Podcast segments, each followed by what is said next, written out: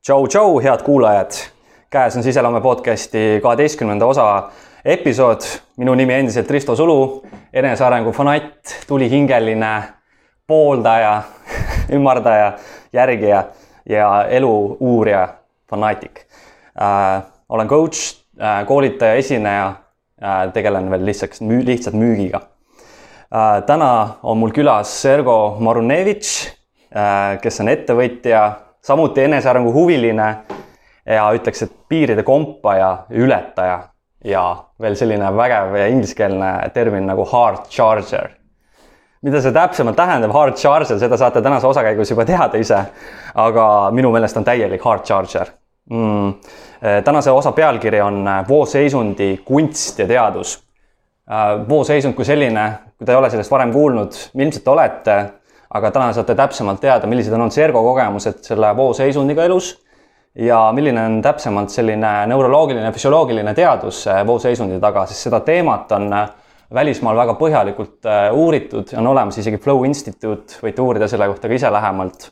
aga Sergo on nagu selles asjas täitsa sepp on sees, ta on seda teemat sügavuti puudutanud, uurinud, seal sees käinud ja sea, mis vähe sellest, ta on ise olnud seal sees.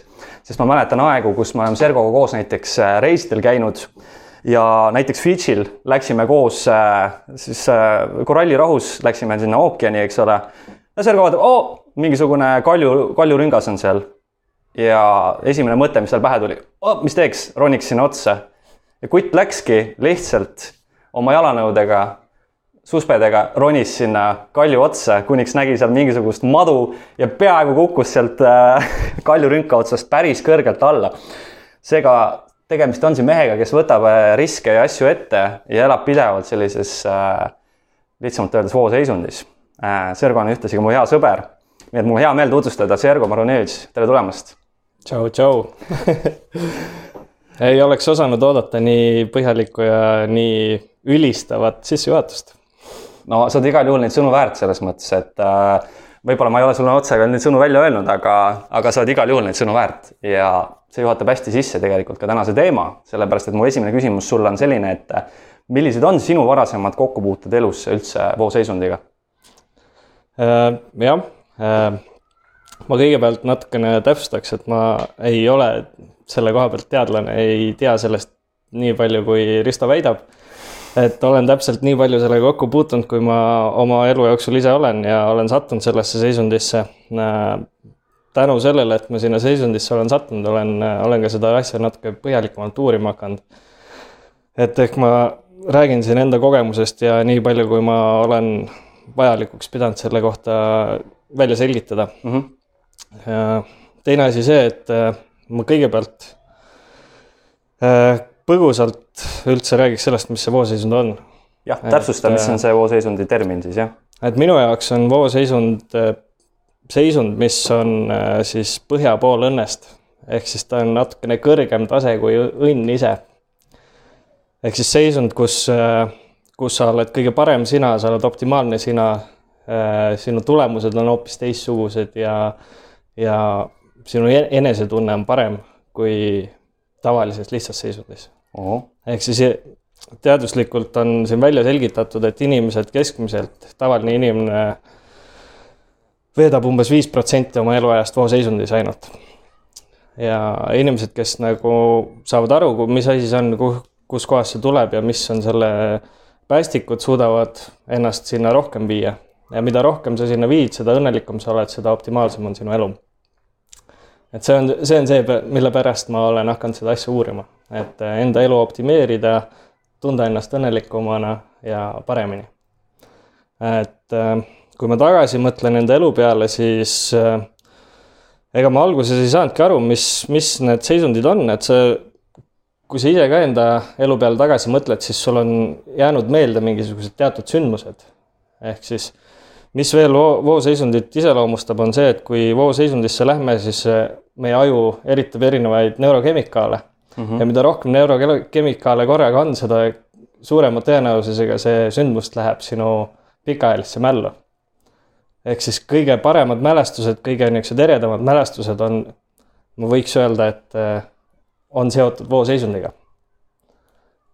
samamoodi on see, et vooseisund eh, parandab meie nii-öelda informatsiooni ja teadmiste omastamisvõimet. ehk siis, kui sa mõtled näiteks kooli peale tagasi, siis need ained või need tunnid, kus sa saavutasid paremaid tulemusi, tõenäoliselt õpetaja oskas sind paremini viia sinna vooseisundisse või see teema tekitas sinus piisavalt huvi, et sa jõudsid sinna vooseisundile lähemale.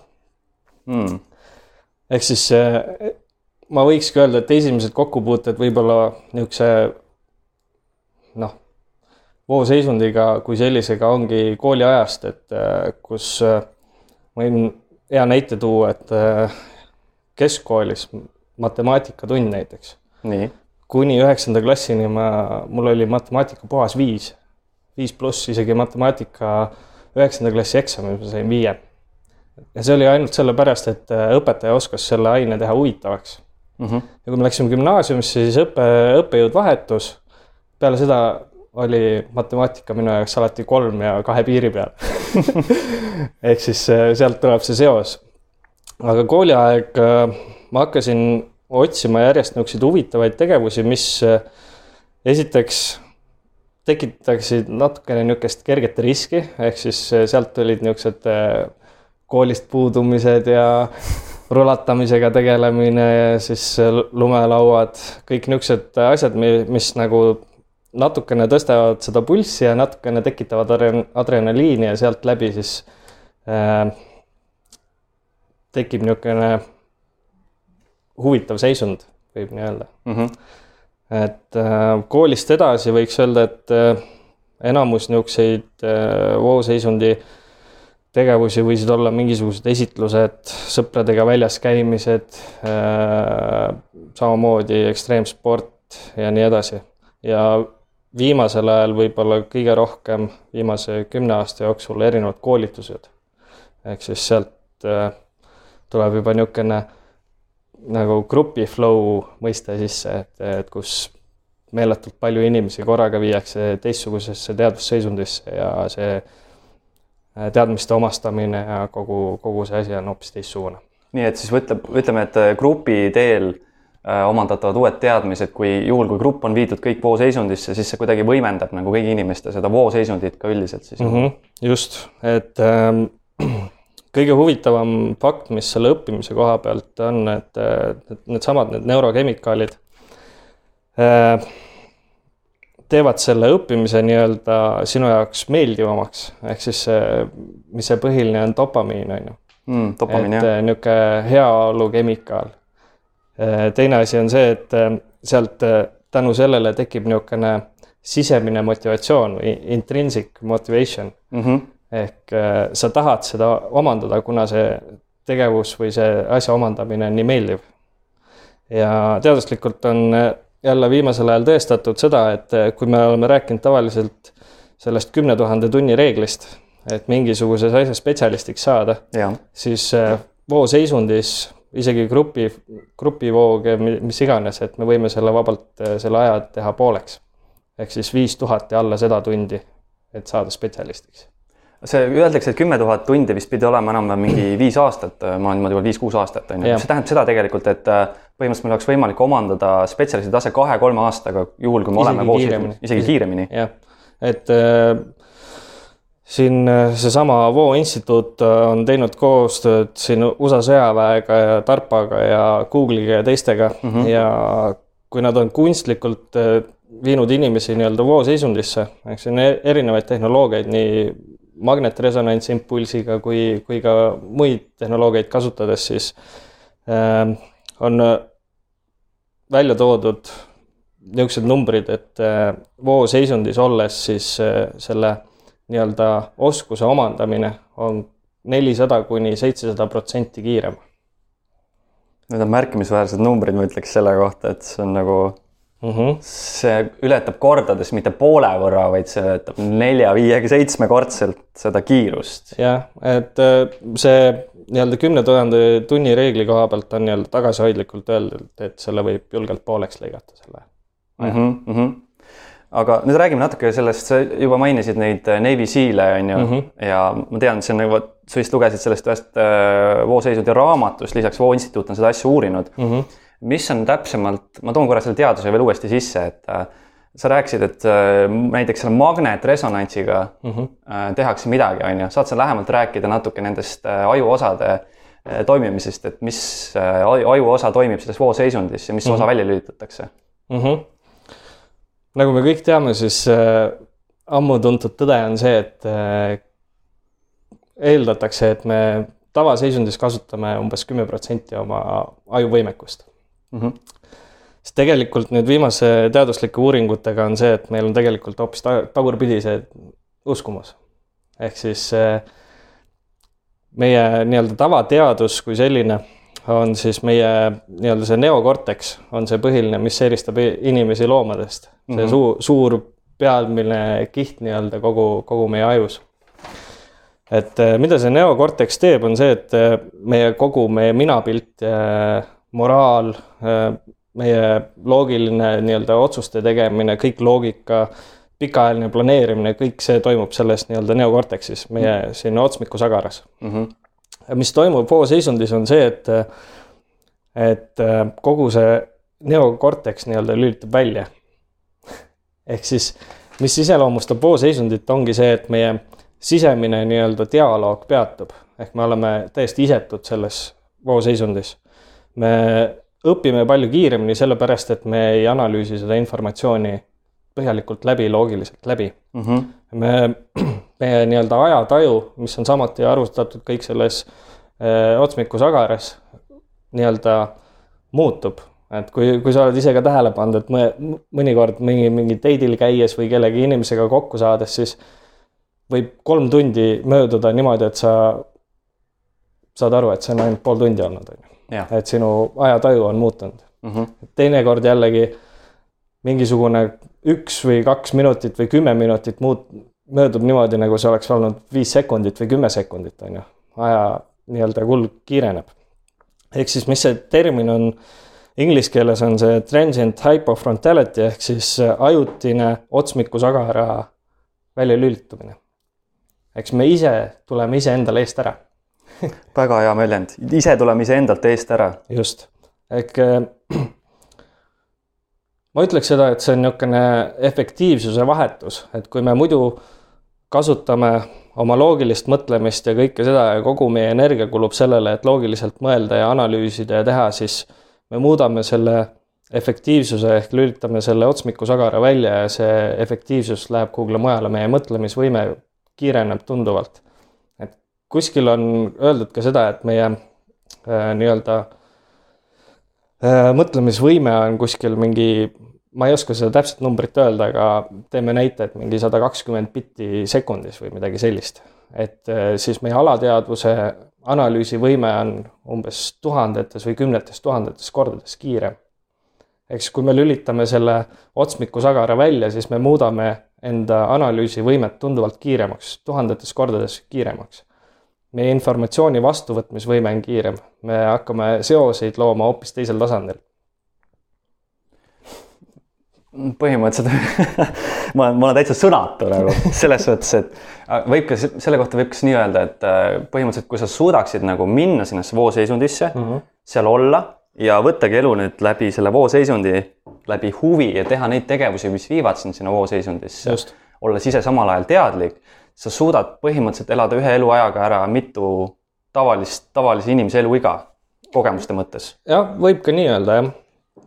et see on niisugune optimaalne äh, teadvusseisund, kus, kus sa käitud nagu parim sina, sa mõtled nagu parim sina ja sa oled ise ka kõige parem sina, mis üldse olla saab.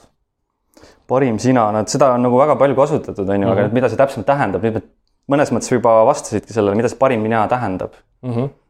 tähendabki seda, et sa reaalselt oled ja lähed sinna vooseisundisse.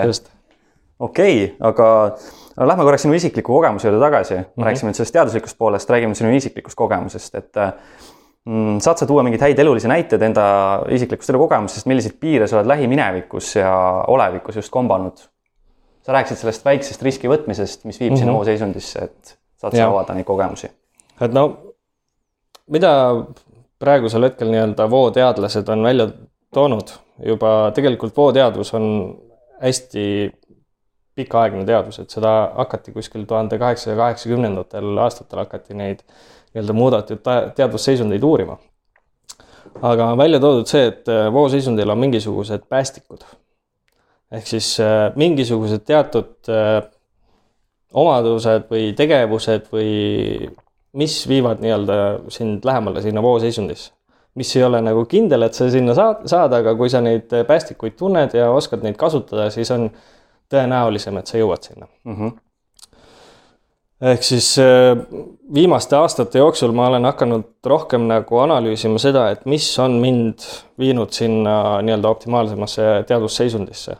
ehk siis äh, üks osa sellest on mm, ma ütleks, niisugune inimestega suhtlemine, enda proovile panek äh, sotsiaalses sfääris ehk siis äh, võttes rohkem vastutust näiteks töö juures, äh, suuremaid meeskondasid juhtides äh,, olles kasvõi mm, vabatahtlik mingitel üritustel, juhtides mingeid meeskondi mm. -hmm. Äh, samamoodi mingisugused äh, koolitused, üritused, kus on ette nähtud mingisugune suhtlemine ja, ja, ja nii edasi ja teine osa sellest on niisugused äh, füüsilised siis tegevused. ehk äh, äh, mis huvitav vooseisundi juures on see, et vahet ei ole, kui pikk see vooseisund on, see muudab sind alati paremaks, ehk siis alguses sa lähed nii-öelda sinna muudetud seisunditesse ja see iga, iga kord, kui sa sinna muudetud seisundisse lähed, siis sa nii-öelda kinnistad seda seisundit enda peas ja seda lihtsam on sul sinna minna ehk siis sa tõstad alati oma seda nii-öelda lava või inglise keeles öeldakse hästi, et uh, from altered states to altered traits. ehk siis sinu nii-öelda tunnused muutuvad läbi selle. mis on hästi huvitav veel, et uh, üks varasemaid vooseisundi uurijaid, kes on maailmas kõige laialdasema nii-öelda vooseisundi uuringu teinud hästi keerulise nimega Mikai Šeks-Mikai või kuidagi niimoodi teda hääldatakse, ma täpselt ei tea aga tema ütleb seda, et, et äh, vooseisund nii-öelda aitab sul nii-öelda tõsta sinu enesehinnangut, tõsta sinu, kõiki sinu nii-öelda isiksusega seotud nii-öelda omadusi.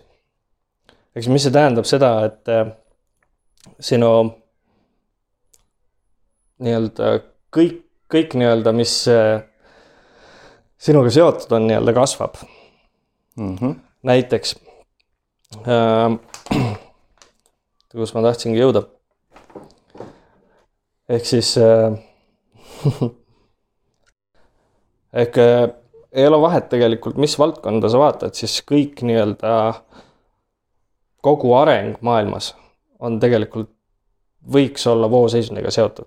see on muidugi minu arvamus, ma ei saa selles kindel olla, aga kogu nii-öelda areng tuleb vooseisundist. et äh, mulle tundub, et see on niisugune selle kogu arengu all olev nii-öelda signatuur või allkiri.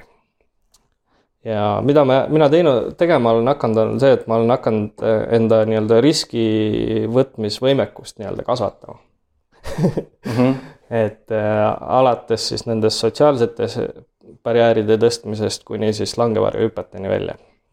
väga hea see on täitsa füüsiline on ju, sa ütlesid, mainisid vaata, et see päästik on füüsiline, et see on siis nagu üks päästiku näide sinu puhul on mm -hmm, ju, langevarjuhüpped. et mis on huvitav, on see, et sa seal langevarjuhüppe aeg äh, ei ole võimalik, et sa oled kuskil mujal teadvusseisundis. sest kui sa hakkad selle neljakümne viie sekundi või minuti aja jooksul analüüsima, mida sa seal tegema pead, samal ajal kui maakera tuleb sulle lähemale kuskil sada viiskümmend, kakssada kilomeetrit tunnis, eh, siis sa ei tee seal mitte midagi. sa pead olema seal vooseisundis. täiesti hetkes olema, sest see on elu ja surma küsimus sinu jaoks. just mm. -hmm. Ma tean, ma olen isiklikult seda kogenud ühe korra siiamaani. jah um,. on sul veel mingeid häid füüsilisi näiteid nagu, eh, mis päästab sinu puhul vooseisundi nüüd liikvele? ma usun, et neid on erinevaid. Äh, samas on ka see vooseisundisse sisenemine on erineval tasemel, vaata, et kui sa, kas sa oled nagu täielikult seal hetkes või sa, või sa oled osaliselt, et äh, kõik need mingisugused tantsimised, äh, spordi tegemine, kõik nii-öelda tegevused, mis sulle nii-öelda pakuvad niisugust mõnu ja rahuldust, viivad sind mingil määral sinna vooseisundisse mm. -hmm. aga need, mis nagu on täielikult nii-öelda, kus sa upud sellesse seisundisse, siis need, need tegevused või need on niisugused tavainimese jaoks niisugused üksikud hetked äh, kogu nende elu jooksul. Aga kui sa suudad seda nii-öelda välja mõelda, et mis asi see on, näiteks minu jaoks seesama langevarjuhüpe, et ma lähen sinna, ma olen minut aega, olen täie, täielikult hetkes, ma ei ole kuskil mujal. et äh, siis need, need nii-öelda kogemused kanduvad edasi ka teistesse eluvaldkondadesse mm. -hmm. ja iga korraga sa mainisid, et äh, muutub aina nii-öelda mõnes mõttes kiiremaks ja ladusamaks sinna poolseisundisse sisse minek, kui sa kordad just, seda tegevust just, uuesti, uuesti. just, just, just. Ähm, ma arvan, et siinkohal on tegemist vist võib-olla selle närvivõrgustiku ülesehitamisega. absoluutselt, absoluutselt. tekivad need kiirteed nagu, et kus saad otse sõita autoga läbi. just. okei, siis ma sain õigesti aru, siis ma sain õigesti aru. aga võib-olla sa oskad lähemalt kirjeldada, et mis juhtub sinuga sel hetkel, kui sa oled selles, esiteks, kui sa lähed sinna seisundisse sisse, hakkad minema sinna sisse kui sa oled seal seisundi sees, mis sinus muutub ja mis toimub sinu sees ja kuidas sa sealt välja tuled? Äh, ma ei ole seda enda nii-öelda vooseisundit nii väga analüüsinud, aga ma olen võtnud omaks nii-öelda, mida on teinud äh, äh inimesed, kes uurivad vooseisundit ehk siis ma olen täheldanud ka enda kogemustest nii-öelda seda, et, et need samasugused nii-öelda etapid ja samad omadused nii-öelda tulevad välja. ehk siis äh, esimene vooseisundi nii-öelda etapp on tegelikult niisugune inglise keeles struggle ehk siis niisugune võitlus mm, -hmm. kus siis äh, äh, nii-öelda proovid loogikaga ja kauplemisega nii-öelda oma ärritunud seisundiga mingisugust probleemi laheta, lahendada ja kuna sa oled äh, ärritunud ja äh, sinu nii-öelda stressikemikaalid on väga kõrgel, siis äh, üldjuhul sa ei jõua selle lahenduseni. et kui sa jõuad lahenduseni, siis see seisund nii-öelda langeb tagasi. kui ei, siis üldjuhul see nii-öelda stressiseisund läheb kõrgemaks. ehk seda iseloomustavad nii-öelda nii ajulained, sinu neurokemikaalid kui, kui ka nii-öelda see füüsiline seisund, kuidas sa iseennast tunned mm. -hmm. ehk sa oled üld, üld, üldiselt nii-öelda oma ajulainetega seal betas või, või kõrges betas äh,. kortisool ja neoepinefriin ehk stressikemikaalid ja sa tunned niisugust ärevust või pinget ja et sa võitled mingisuguse asjaga, mille üle sul kontroll puudub. ja kui, kui nüüd selles uurimuses edasi minna, siis ainukene variant, mismoodi sellest nii-öelda läbi murda, on see, et sa pead sellest lahti laskma. eks peab toimuma mingi reliis. see on teine, see on teine etapp, jah? jah. inimesed tavaliselt nii-öelda koperdavad selle otsa. ehk siis kas nad viskavad oma arvuti nurka, panevad kinni, vihastavad selle peale, lähevad duši alla, teevad väikse uinaku lähevad korraks jalutama. ja mis toimub, on see, et sinu nii-öelda kehast äh, loputatakse välja kogu see stressikemikaal. ja see tekitab niisuguse väikese akna, mis võimaldab sul minna sinna vooseisundisse hmm.. ehk siis kui sa tead nii-öelda seda, nii-öelda neid samme, mismoodi sinna vooseisundini minna, siis on tegelikult hästi lihtne kui sa tegeled mingi probleemiga, sa näed, et see hakkab sinus ärevust tekitama, siis sa tead, et sa pead selle korraks panema pausi peale ja tulema tagasi selle juurde. Või siis on see, et sinus tekib kohe mingisugune ahaa peale seda pausi, et ja siis sa saad sellega edasi minna. aga järgmine etapp sellest ongi see vooseisund. aga mis on, mis on huvitav, on see, et selleks, et sa vooseisundisse saad selle nii-öelda lahtilaskmise hetkel, sa pead maandama oma nii-öelda ajulaineid ja ennast. ehk sa pead jõudma sinna peaaegu sinna alfa ajulainete piirile mm. -hmm. Ja sa pead olema rahulik, soovitatakse teha mingisuguseid hingamisharjutusi või siis jalutama minna, ennast täielikult nii-öelda sellest probleemist vabaks lasta. ja vooseisund on selles mõttes huvitav, et et kui me vaatame seda neurokemikaalide kompotti, mis seal sinus selles vooseisundis tekib, on, see on, nimetatakse kõige sõltuvust tekitavamaks seisundiks üldse. ehk siis, kui, kui sa tuletad meelde neid, kasvõi neid vestlusi, kus sa oled oma ajataju ära kaotanud ja sa oled täielikult seal sees, siis tagantjärgi mõeldes sa tahaksid neid hetki uuesti. samamoodi on kõikide muude hetkedega, kus sa oled täielikult fokusseeritud mingisugusele tegevusele ja aeg lendab või sa oled ennast unustanud ja nii edasi. See tundub niisugune, see asi, mida sa tahad mm. -hmm, mm -hmm. ehk siis, mis selle nii-öelda põhjus ongi see, et sinu aju nii-öelda annab sulle neid hea tunde kemikaale ja petab sind nii-öelda seda asja tegema sinu ajulained langevad väga sügavale teetasse, isegi on ka gamma nii-öelda spike või kuidas nad ütlevad, et need on need ahhaa-hetked, kus tulevad, tekivad mingid läbimurded või tekib täiesti uudne niisugune mm, äh, kreatiivsus või niisugune seisund ja, ja, ja ma olen kuulnud. et äh, ta on peaaegu niisugune hüpnootiline seisund, kus sa täielikult unustad ära ennast jälgida, et see, kui sa saad aru, et sa oled Eh, flow, vooseisundis, sa tegelikult ei ole seal vooseisundis sa täielikult unustad ära kõikide asjade jälgimise, nii aja, iseenda kui ka muu. et äh, mida räägivad sportlased, on ju, kui nad on äh, seal runners high ja nii edasi, et nad unustavad täielikult ära, et nad on ühtsed selle teega joostes ja džässimuusikud, kui nad on taskus või selle pocket'is, et nad on üks selle publikuga ja lavaga mm. -hmm. et see on äh, täielik niisugune full HD ehk sinu kõik meeled on ühtselt nii-öelda seotud selle tegevusega, mis on sinu käes. ja äh, peale seda vooseisundit ehk siis äh, kui see nii-öelda neurokemikaalide kokteil nii-öelda sinu kehast ja ajust nii-öelda vaabub, siis järgmine selle etapp on siis nii-öelda taastumise etapp ehk kus sa vaatadki sellele hetkele tagasi või sellele, mis iganes, kui pikalt see seisund sul oli, et kus sa, kus tekib see nii-öelda heaolutunne, ehk siis sa langed nii-öelda veel sügavamasse nii-öelda delta ajulainetesse, kus, mis on peaaegu nagu sügav uni. miks see oluline on see, et kui sa oled selles vooseisundis mingisuguseid uusi läbimurdeid ja nii, nii edasi, mingisuguseid uusi asju saavutanud, siis selles nii-öelda äh, taastumise etapis kogu see informatsioon ja kõik need asjad äh, talletatakse sinu pikaajalisse mällu. ehk siis äh, see on see, kus tekivad sinu ajus serotoniin, oksüdotsiin, kõik need nii-öelda kinnistumiskemikaalid mm -hmm. ehk siis äh, usaldus selle informatsiooni vastu ja niisugune sotsiaalne äh, mm, lävimine. et tekib see, et kui sa oledki mitmete inimestega koos seal, siis sul on niisugune tunne, et ühte, ühtekuuluvustunne või niisugune kõik on sinu jaoks sõbrad, kes, kellega sa seal koos oled olnud, et need on nii lähedased inimesed, et see on lihtsalt äge. ja, ja.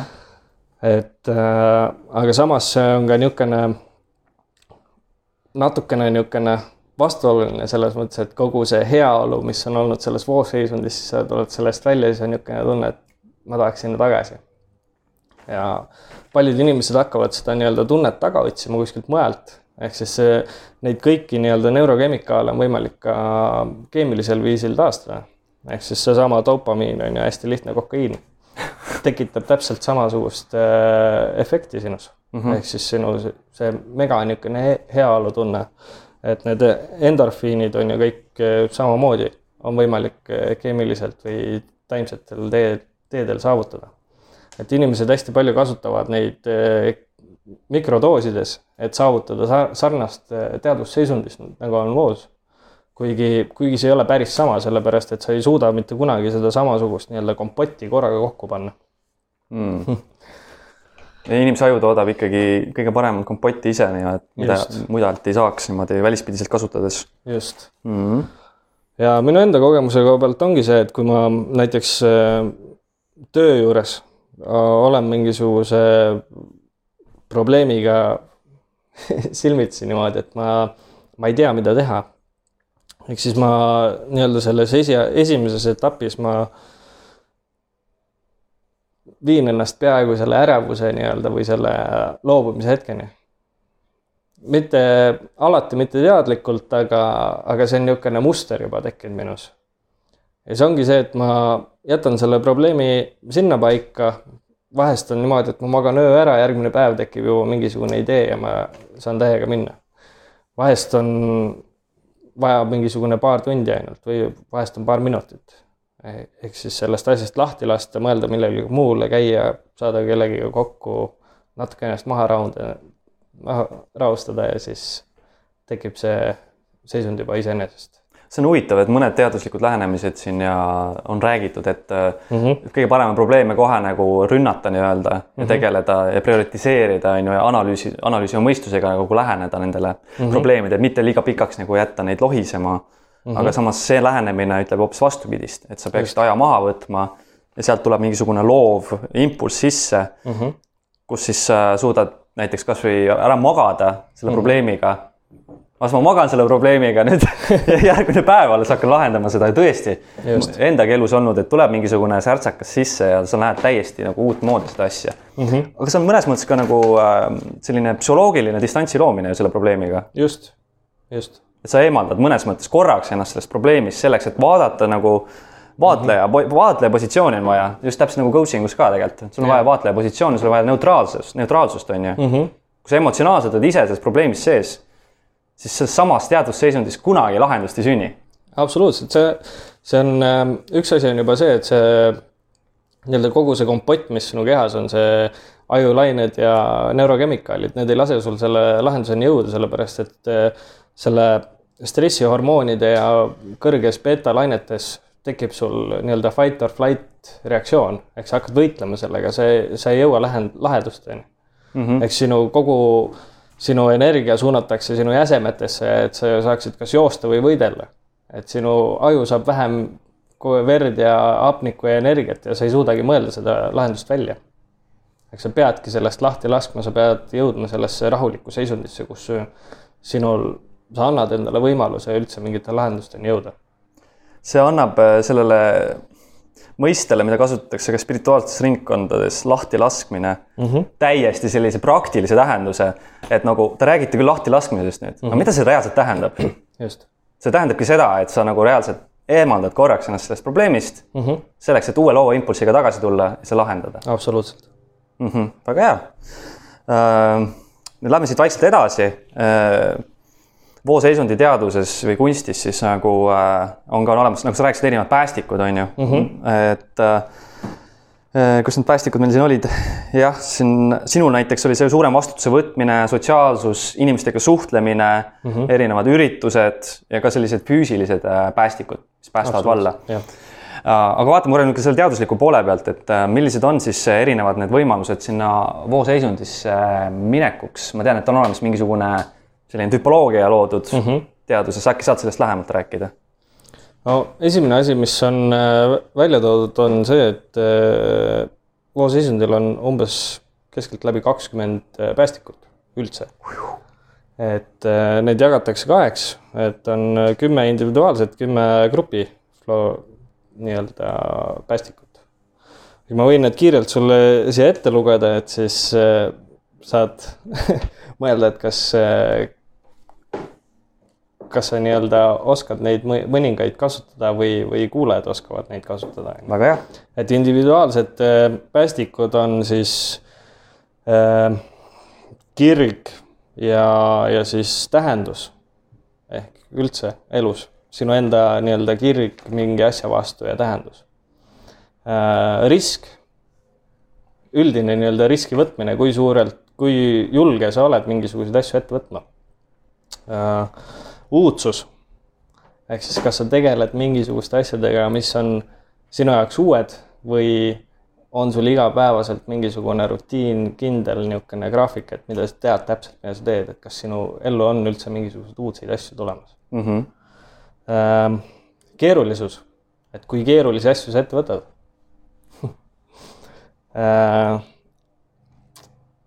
ette ennustamatus või niisugune teadmatus, mis on tulemas. siis niisugune sügav kehaline kogemus ehk siis spordis näiteks, kui, kui sügavalt sa oma, oma kehaliselt nii-öelda seda, neid asju teed või võib öelda langevarjuhüpetes on samamoodi, et, et sa pead nagu täielikult oma kehaga nii-öelda seal olema kohal, mitte, mitte ainult oma peaga mõtlema mm. -hmm. kui kiiret tagasisidet sa saad, ehk siis mida kiirem see tagasiside on, seda suurem tõenäosus on, et sa jõuad sinna voosseisundisse. et kui, kui sa hüppad lennuki uksest välja ja see tagasiside on päris kiire millisekundiga muutma anda seda keha, eks? Äh, just yeah., selged eesmärgid ehk siis äh, mingisugused kindlad etapid, mida sa teed või siis mingisugune kindel eesmärk, mis on sellel konkreetsel tegevusel. Siis äh, nii-öelda väljakutse ja sinu oskuste suhe. et on äh, voolseisundi uuringutest on välja toodud, et see oskuste ja väljakutse suhe võiks olla niimoodi, et iga iga uus väljakutse on umbes neli protsenti keskmiselt kõrgem kui sinu oskused mm.. ehk siis alati võiks olla natukene järgmine, mingi järgmine samm.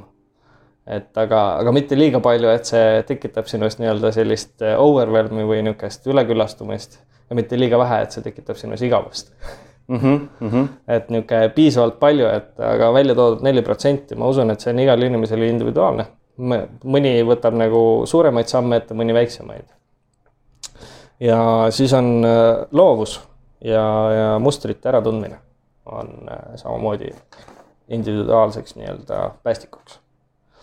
Siis kui ma neid nii-öelda päästikuid vaatan, siis tegelikult kõik need päästikud äh, on äh, nii-öelda järgi veetud ühest kindlast asjast ja see on fookus. et äh,, et vooseisund on nii-öelda põhiline, kõige, kõige tähtsam nii-öelda osa on selles nii-öelda täielik pühendumine, täielik fookus ühele kindlale asjale. Äh, ja grupi nii-öelda päästikutest tulevadki välja, et esimene, esimene päästik ongi täielik nii-öelda pühendumine, complete concentration grupi mingisugusele tegevusele hmm.. Äh, jagatud eesmärgid ehk siis kas kõik, kogu see grupp nii-öelda püüab sama eesmärgi nimel midagi saavutada mm. -hmm.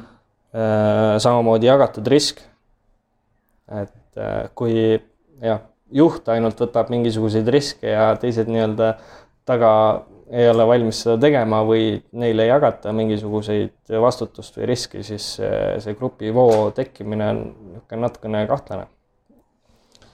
Äh, siis üks huvitav päästik on selline inglise keeles on see yes and ehk siis see on niisugune äh, Richard Bransoni tüübis nii-öelda trigger.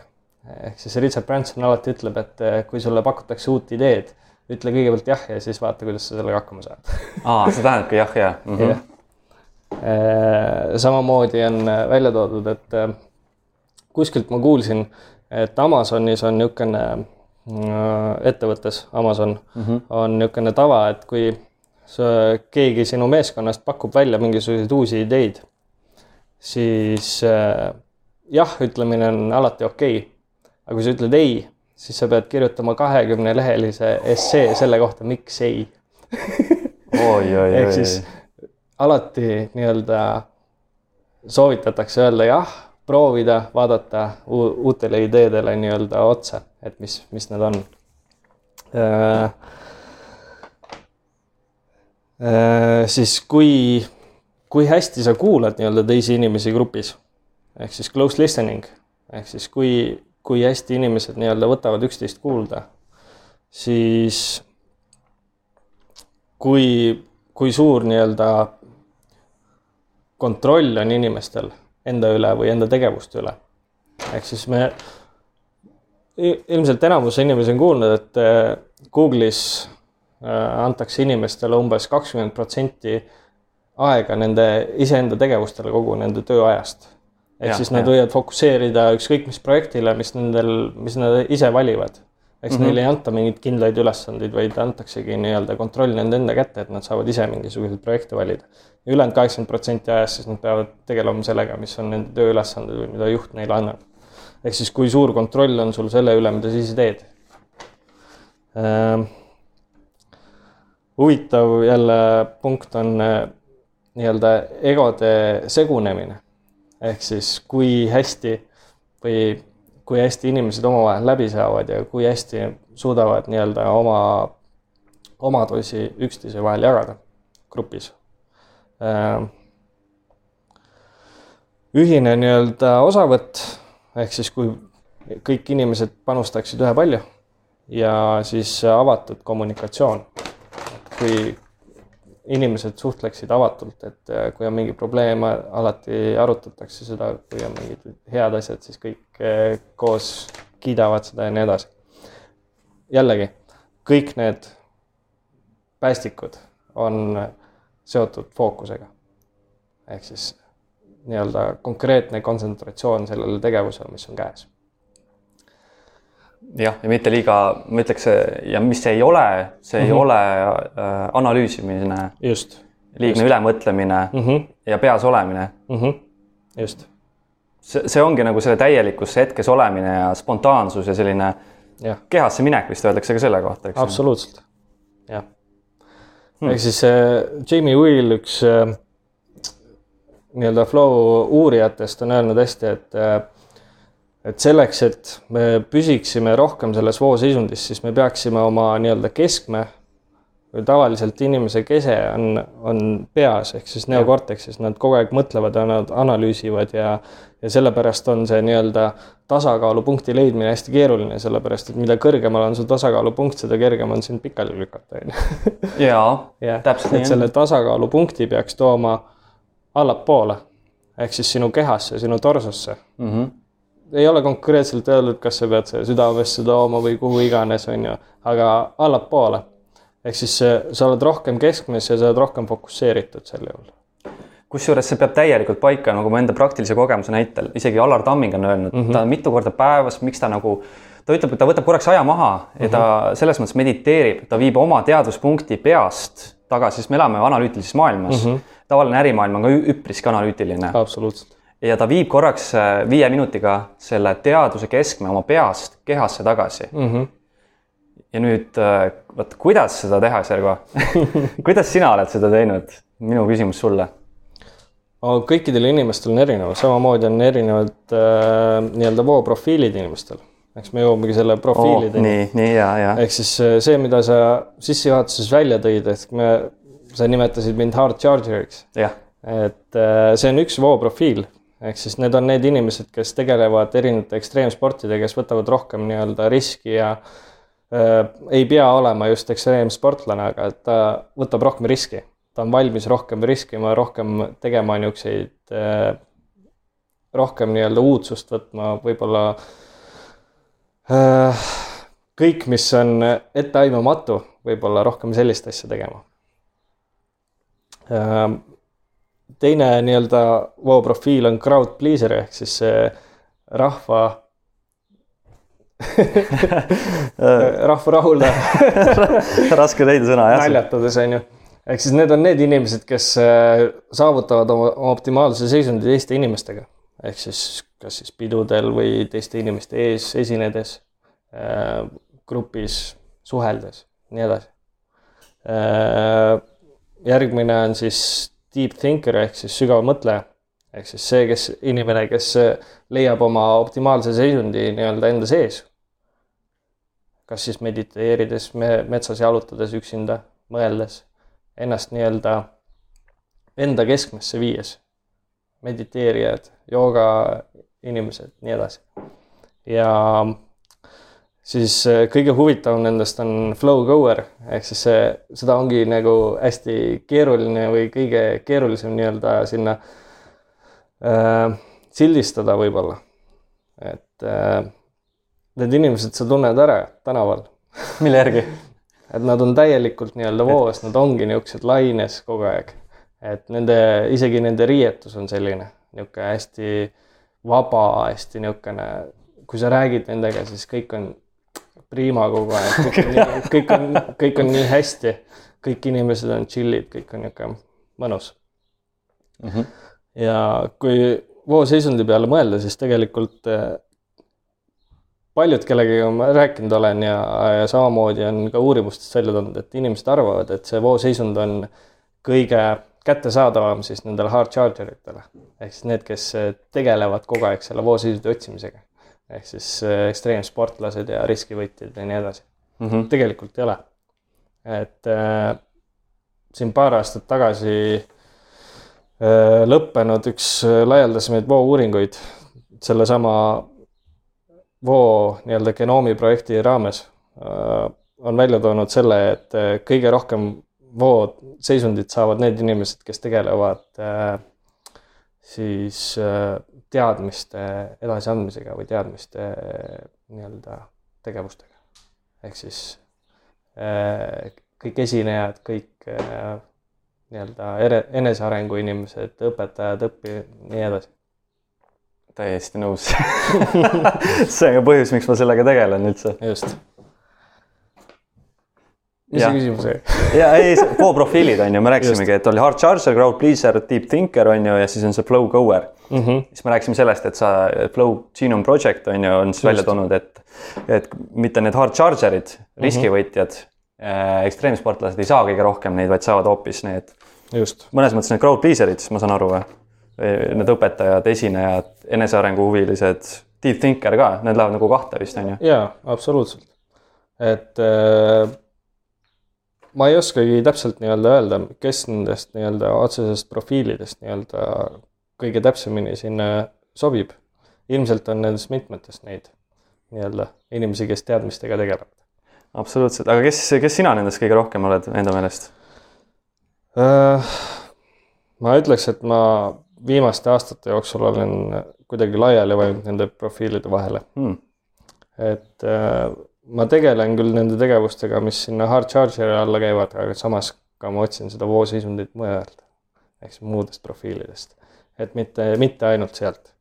aga kindlasti ma julgen öelda, et minus on tunduvalt rohkem hard charger'it kui sinus kindlasti, no sellepärast ma ütlesingi sulle alguses, et sa oled nagu absoluutselt hard charger ja nagu ma olen rohkem ise crowd pleaser ilmselt mm, -hmm. ma arvan. no huvitav on veel see, et, et kui me vaatame nii-öelda, nii-öelda neid inimeste nii-öelda mõttemustreid või mõtteraame. ehk siis, kui me, kui mõtleme niisuguse teema peale, nagu on Bannisteri efekt, oled kuulnud sellest? uh,. Roger Bannisteri efekt. just, ehk siis see nelja minuti miili ületamine uh,. uurimustest on huvitavalt välja tulnud see, et uh, kõige rohkem muidugi on uuritud neid nii-öelda spordialasid. Aga peale seda näiteks, kui Roger Bannister ületas selle nelja minut, minuti miili, mis oli, ma julgeks öelda, mingi seitsekümmend, kaheksakümmend aastat purustamatu rekord.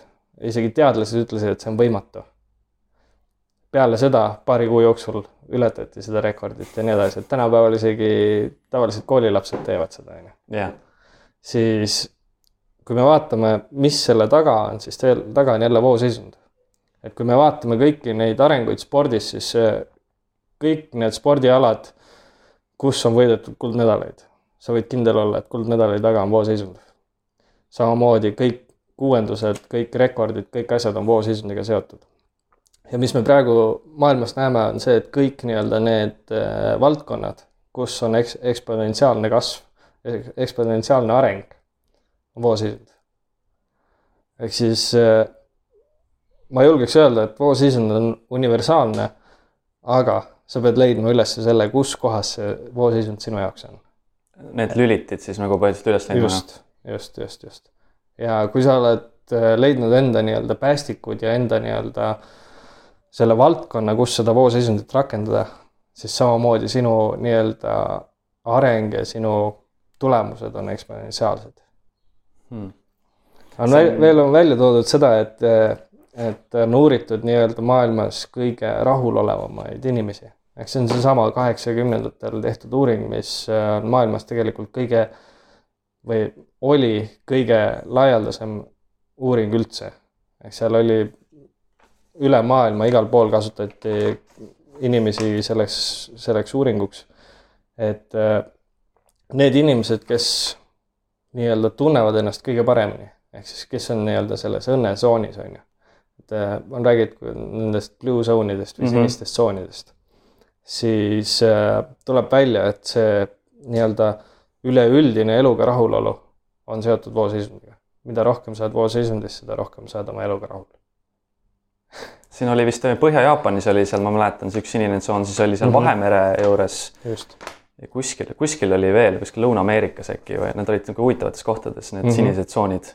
ja, ja mida paljud väga, ma ise olen ka seda viga teinud, et ma olen otsinud nii-öelda, kus kohas see vooseisun minu jaoks on, on ju, et ma olen hakanud mingisuguseid äh, erinevaid spordialasid proovima või siis mingisugust teistsugust tööd natuke tegema või tööd teistmoodi tegema või mingisugustel koolitustel rohkem käima, kus, mis nagu tekitavad seda, siis, siis seesama, see Mikai Šeks-Mikai ütleb seda, et tegelikult on meil võimalik ka kõige lihtsamas tegevuses, näiteks koristamisel, kõige tüütum tegevus üldjuhul inimeste jaoks, leida seda voogu. ehk siis, kui sa võtad endale kindla fookuse, sa paned endale kindlad eesmärgid. kasutad neid nii-öelda samu trigger'eid. võtad võib-olla natuke riski ka, on ju, koristamisel. kuidas ma ei, eks see loovust pead kasutama, pead välja mõtlema, kuidas see käib. ja on võimalik leida vooseisundit koristamises. tuli kohe ette kujutluspilt, et äh, nagu väiksed lapsed, kui, et kui ma vaataksin praegu maailma nagu läbi nagu nelja või viieaastase näiteks mm. -hmm. äh, poisi või tüdruku, on ju, ja kuidas nemad koristaksid näiteks. Nad näevad seda koristamist kui äh, mängu absoluutselt ja nad näevad selle juures veel tegelasi mm. -hmm. mis teeb selle huvitavaks, seal on risk veel juures, seal on kindel eesmärk Mm -hmm. ja nad saavad sellele läheneda ilma mingisuguse liigse surveta. just ja sealt, aga lapsed ongi ju pidevas sooseisundis. Äh, võib enam-vähem, ma päris ei, ma ei, ma ei oska kommenteerida seda õigemini täpsemalt, ma pigem ei ütle midagi. aga teadlased on jälle öelnud, et äh, näiteks koerad on äh, nii-öelda, kuidas nüüd öelda, hardwired inglise keeles, ehk neil on otse, otsetee nii-öelda vooseisundisse. Mm -hmm. ehk siis alati, kui sa koju tuled, nad on vooseisundis, nad on nii õnnelikud ja kõige paremad, on ju jah, et äh, kui me su-, suudaksime nii-öelda iseendale ka nii-öelda selle otsetee nii-öelda tekitada. aga mismoodi me saame seda tekitada, ongi see, et me peame oma neurovõrgustikku nii-öelda arendama, tegema selle vooseisundisse minema järjest kiiremaks, järjest tugevamaks ja ennast pidevalt nii-öelda sinna vooseisundisse viima.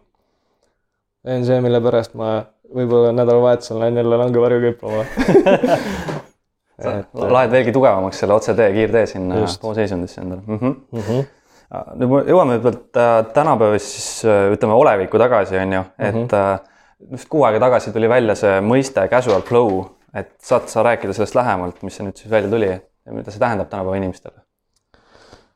Äh, põhimõtteliselt see ongi see, et kas sa ajad taga nii-öelda seda seisundit või sa suudad leida enda igapäevastes tegevustes, tegevustes seda voogu. ehk sa mõtestad kõiki oma tegevusi ja sa leiad mingeid eesmärke sealt, sa pidevalt võtad riski, teed mingeid asju uutmoodi.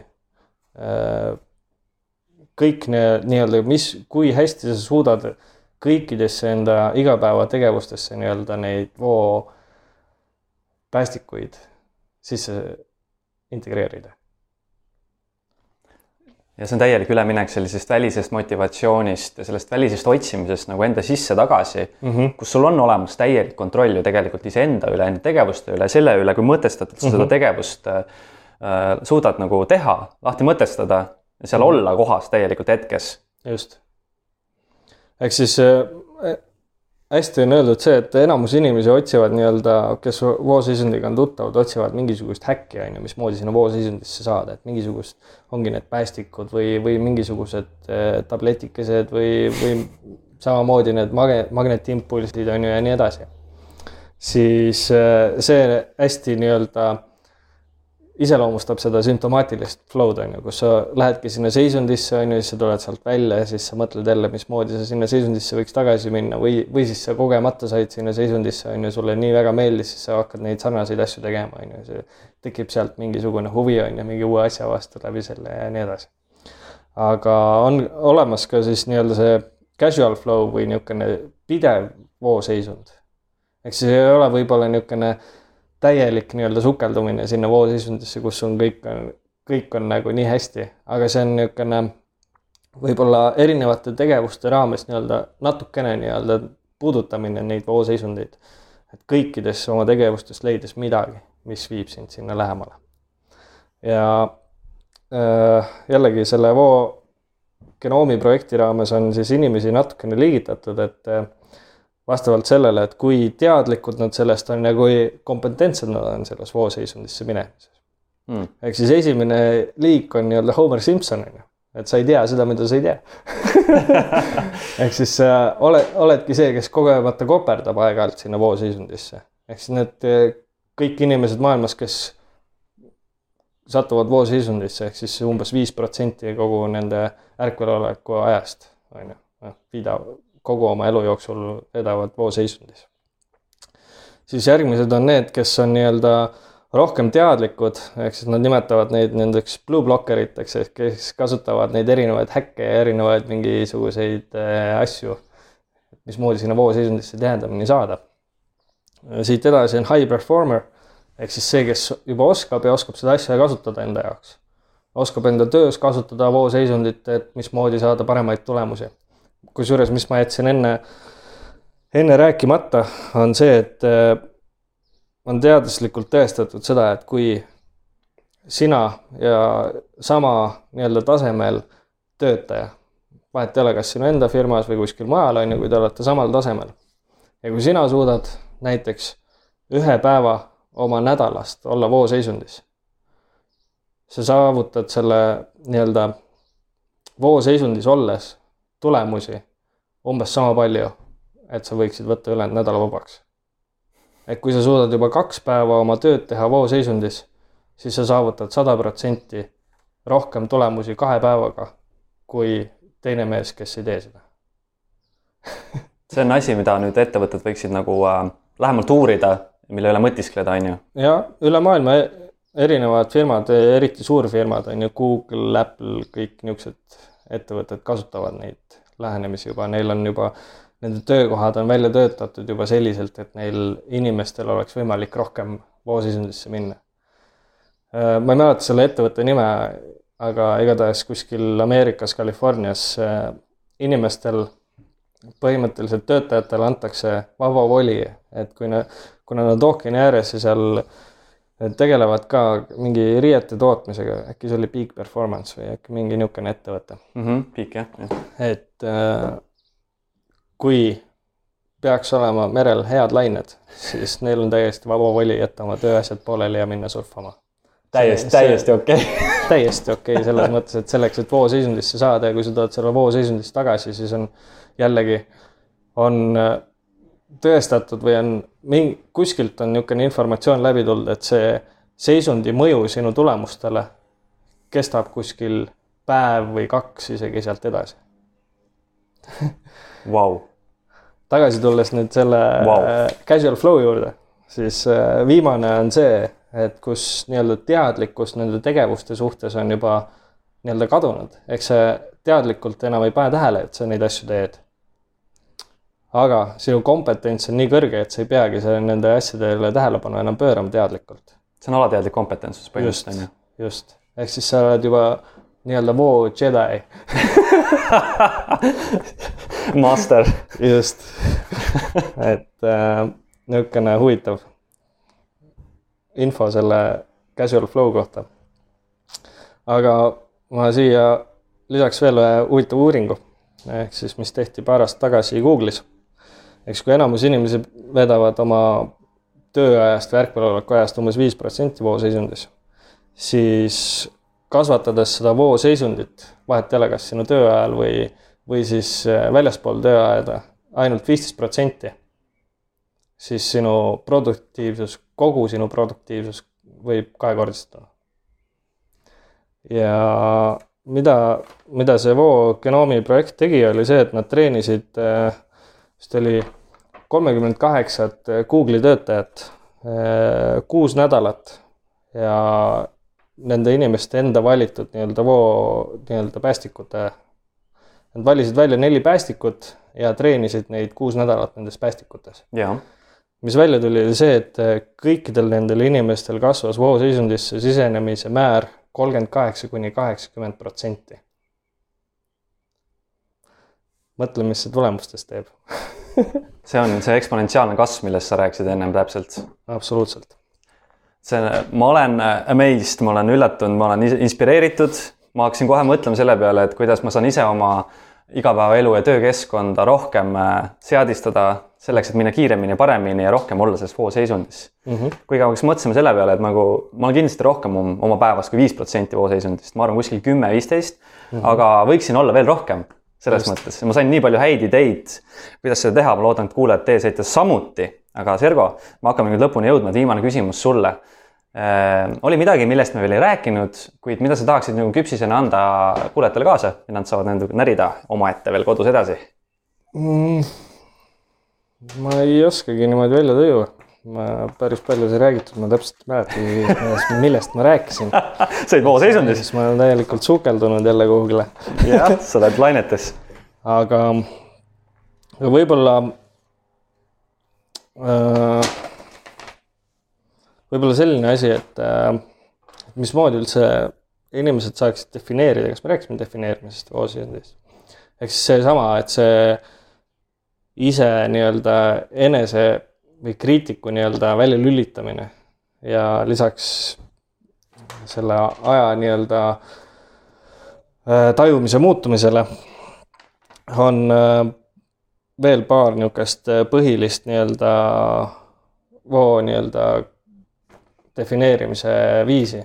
ehk see on äh, täielik nii-öelda kontroll selle tegevuse üle ja täielik nii-öelda tegevuse ja nii-öelda teadvuse sulandumine. Ehk siis sa oled jällegi täielikult fokusseeritud, et mida rohkem sa suudad oma fookust nii-öelda suunata sellele tegevusele, mida, mis sul käes on, mida sa parasjagu teed, seda tõenäolisem on see, et sa jõuad sinna vooseisundisse mm -hmm.. eks see fookus on kõige olulisem ma ütleks ka lõpetuseks ühe lausega, võtaks selle jutu kokku.